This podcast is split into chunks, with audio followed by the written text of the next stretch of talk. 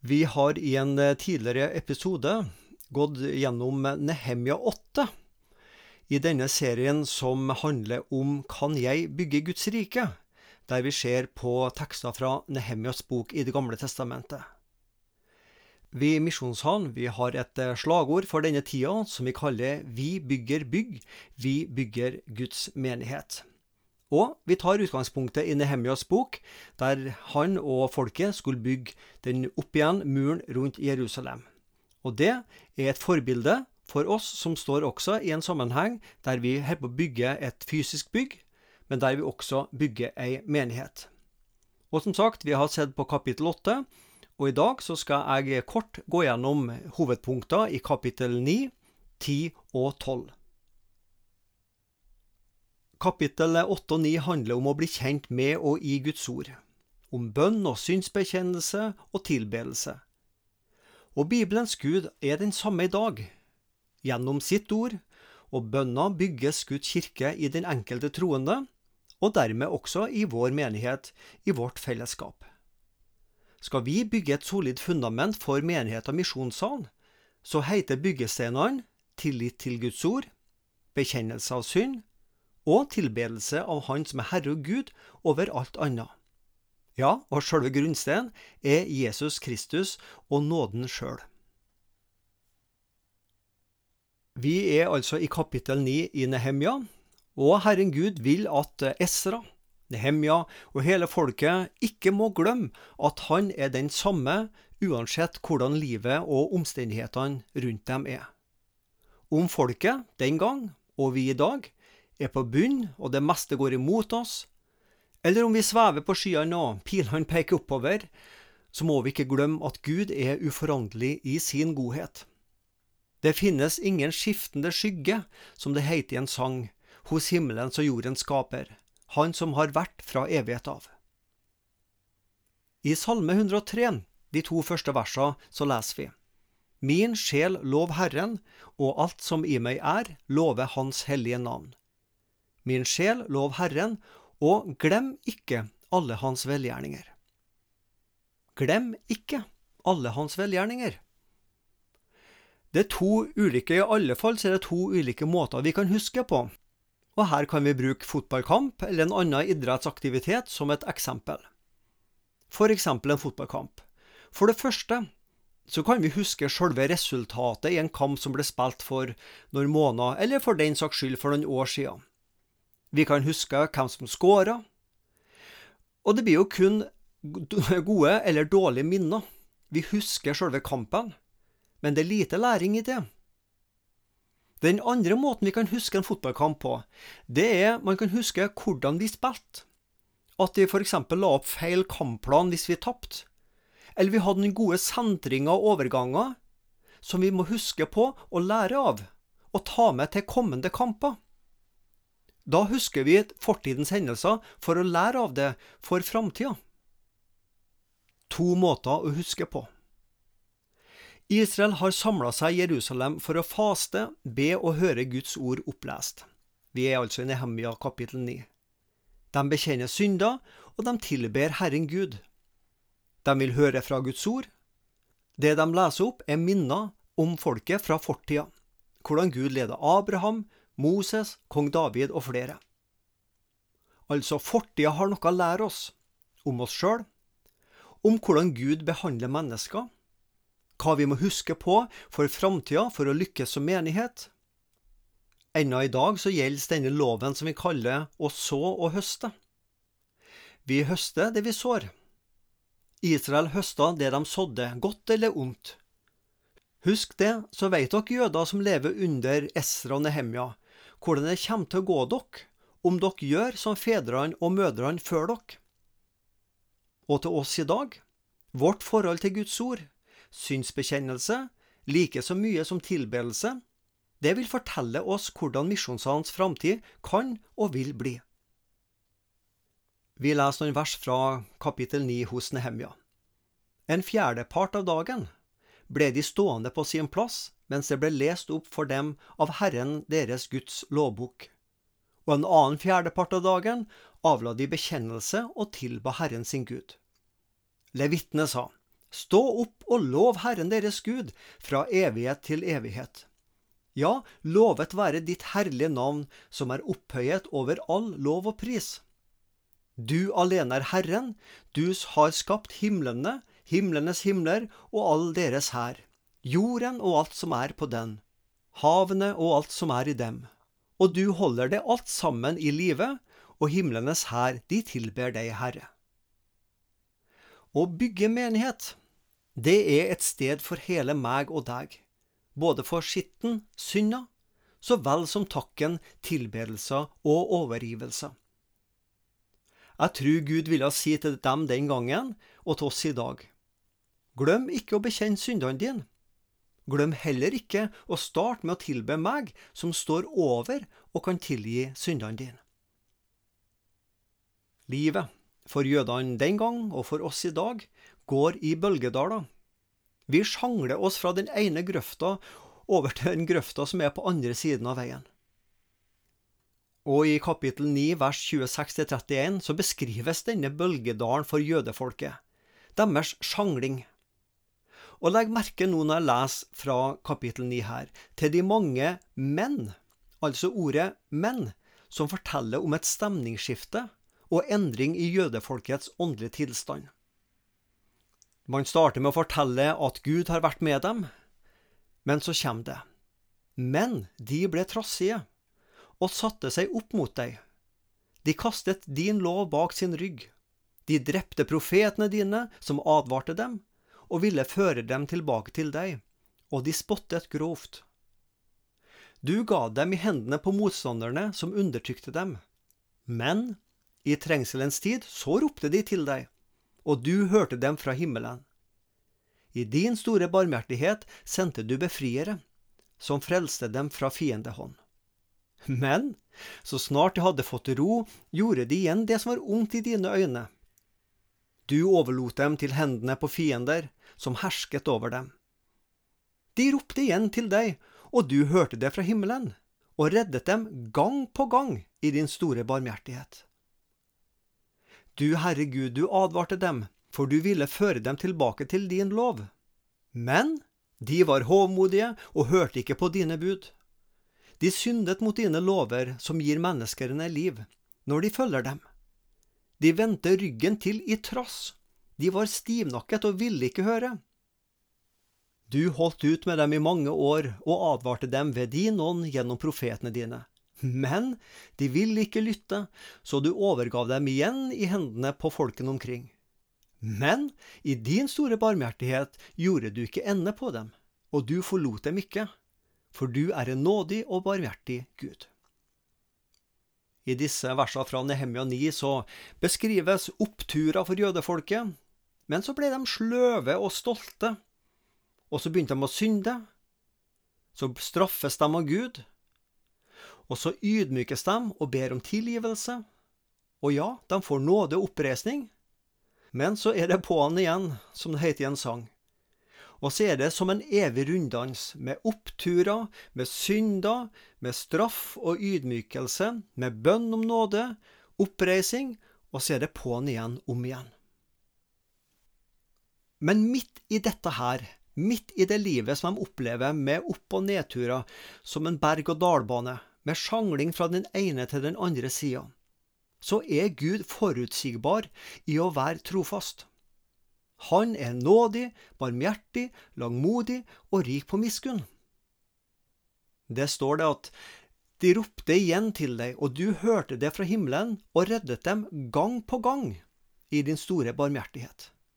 Flott uttrykk det derre gang på gang. Denne tålmodigheten, stabiliteten og trofastheten hos Gud er det som bærer og redder oss, som enkeltmennesker og som menighet. Misjonssalen sin historie er først og fremst en fortelling om at Gud har vært tålmodig, stabil og trofast midt igjennom vår sløvhet, lunkenhet og våre synder. Folket ble ydmyka. Ja, vi kan gjerne si det at vi, det er viktig å lære ydmykhet. Ja, hvordan lærer vi det? Jeg tror det er bare én måte å lære ydmykhet på. Ved å bli ydmyka. Vi er som leira i mesterens hånd. Harde klumper i leiren må knas opp før pottemakeren kan lage noen fine urner og gjenstander av leira. Kan koronatida være med på å ydmyke oss? Vi opplever på en måte at gudshuset blir tatt fra oss. Hva sitter vi da igjen med? Klarer du å gi deg sjøl åndelig føde og mate deg sjøl i ei tid der møtene er få eller ingen? Vi må tenke at søndagsmøtene, det er bonus. En idrettsmann, han trener seg sjøl gjennom hele uka. Husker du det jeg sa for noen minutter siden om å huske? Å huske, det er mer enn minner og erindring. Å huske, det er å notere seg og lære for ettertida. Hva er det Gud ber oss om å huske? Hva var det Gud ville at Esra, Nehemja og israelsfolket skulle huske på fra deres fortid? Jeg tror det er blant annet dette. Når Guds folk stolte på egen styrke, storhet og egen godhet, så endte man i stolthet og frafall.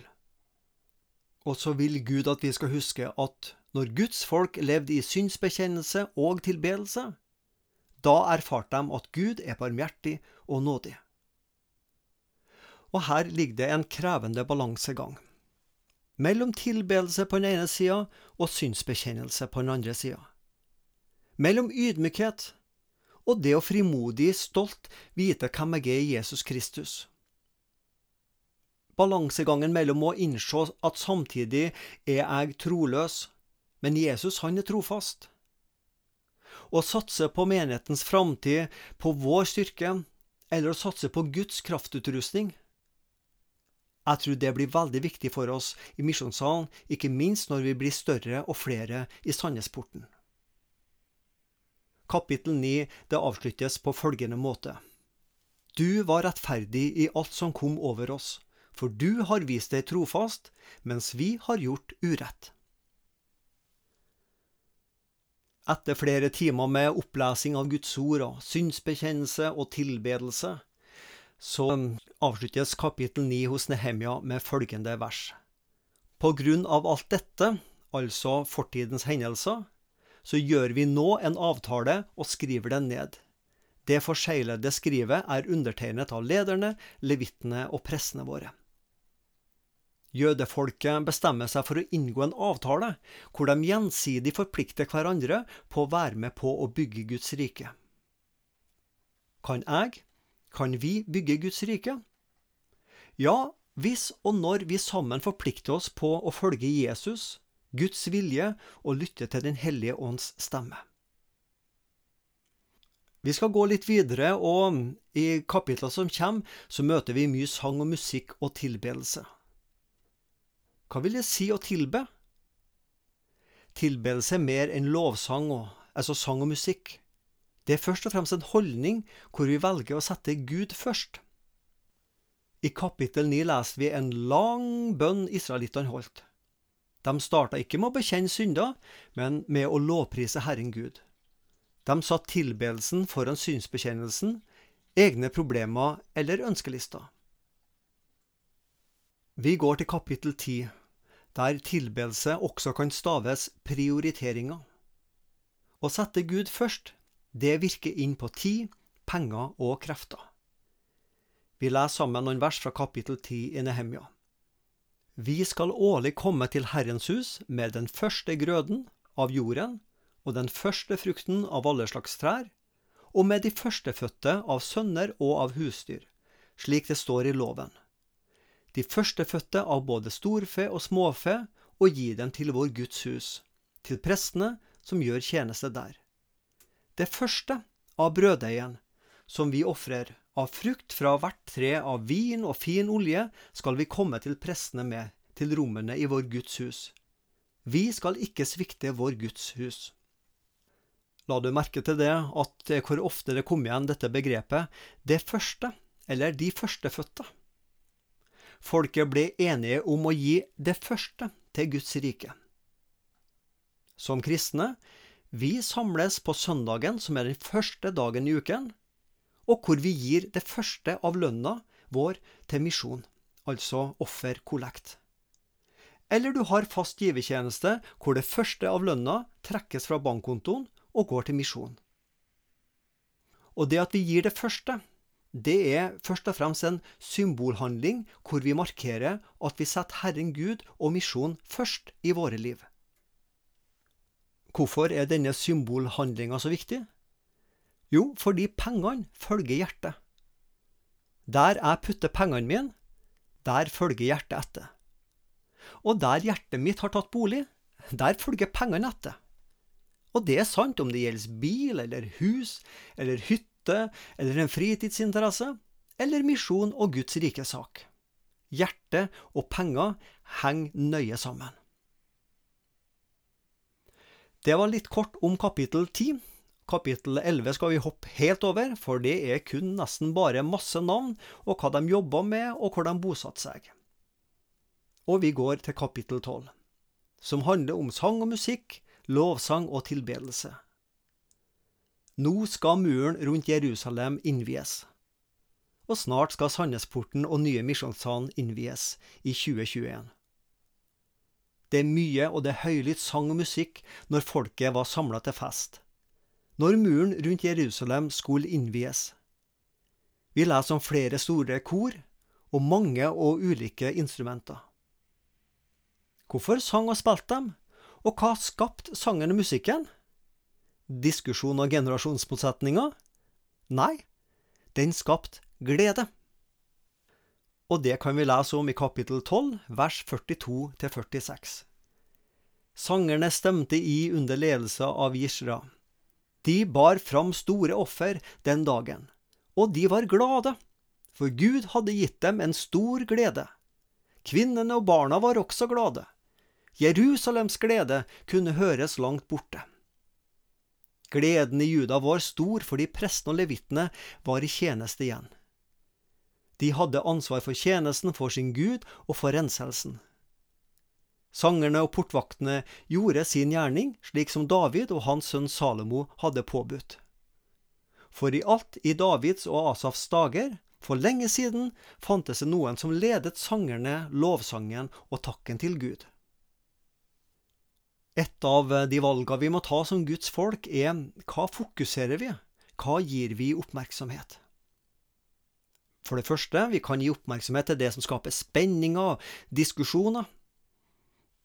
Av og til kan jo det være nødvendig òg. For det andre, vi kan gi oppmerksomhet til det som skaper sukk og akk. Vi ser på utviklinga i Norge og verden. Piler som peker i feil retning. Vi akker oss sammen. Det er så mye forferdelig verden. Da får vi et mollstemt, nedstemt og defensivt gudsfolk.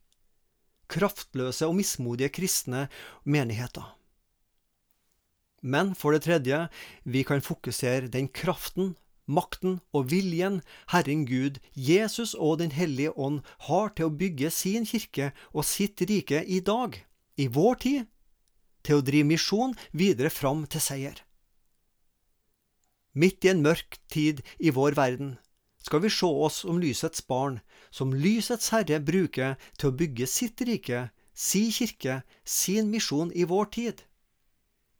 Gud vil ha et folk, sitt folk, som setter Han først, tilber Han. Jeg har lyst til å avslutte denne andakten fra Nehemia 9, 10 og 12 med å fortelle om ei eldre dame som satte Guds rike først. Og det står ikke om hun i Nehemia. Da skal vi reise noen hundre år fram i tid til Jesus blir født, og ei som heter Anna Fanuelsdatter, som det står om i Lukas kapittel 2. Det var en profetinne der i Jerusalem, Anna, Fanuels datter av Aschers stamme. Hun var kommet høyt opp i årene, og etter sin jomfrutid hadde hun levd sju år med sin mann. Deretter hadde hun levd som enke til en alder av 84 år. Hun forlot aldri tempelet, men tjente Gud i faste og bønn dag og natt. I samme stund sto også hun fram og lovpriste Gud, og hun talte om ham til alle dem som ventet på forløsning for Jerusalem. Anna hun har blitt 84 år gammel. Det står om hun at hun aldri forlot tempelet, men tjente Gud i faste og bønn dag og natt. Sjøl om det på den tida neppe fantes noen alderspensjon, slik som i vår tid, så hadde Anna all grunn til å trekke seg tilbake. Med sin høye alder var ikke kreftene like sterkt til stede som i yngre år. Hun kunne med god grunn tenke og håpe på at nye og yngre krefter var klare til å overta tjenesten. Jeg er for gammel, spør en annen. Nei, slike ord kom ikke ut av Annas munn. For hun hadde et hjerte for Guds rike sak, å være med å bygge Guds rike i si tid, på sitt sted. Sjøl om kreftene og helsa svikter, så har Gud fortsatt ulike kall til den enkelte troende. Ingen av oss må unnskylde seg med at man er for ung eller for gammel. Husk Moses, han starta jo ikke skikkelig på sin tjeneste før han var over 80 år gammel. Anna, Fanelsdatter, hun kan stå som et forbilde på en som ikke ville eller kunne pensjonere seg. Hun hadde denne fine holdninga jeg vil tjene Herren Gud så lenge jeg lever. Det viktigste i livet for Anna, det var å tro på Herren Gud og den Messias han skulle sende, samt å bruke tida på å tjene himmelens og jordens skaper. Og så vil jeg si det at Anna kan være til ekstra inspirasjon for eldre mennesker i dag. Kirka og bedehus trenger eldregenerasjon som trofast over mange år investerer tid, penger, krefter for å bygge Guds rike. Hvorfor tilber og tjener vi? Jo, for vi har sjøl blitt møtt av Han som er forløsning, frelse, ikke bare for Jerusalem, men for alle verdens folkeslag. Høsten 2020 så har vi i Misjonssalen snakka om Nehemjas bok Kan jeg bygge Guds rike? Og det enkle svaret er nei, for det er kun Gud sjøl som kan bygge sitt rike. Og samtidig så er svaret også heldigvis ja. Den treenige Gud vil fortsatt bruke frelste syndere, ufullkomne mennesker, til å koble mennesker og Gud sammen, i Sandnes, i Norge og like til jordens ender. Takk for at du også vil være med på det oppdraget.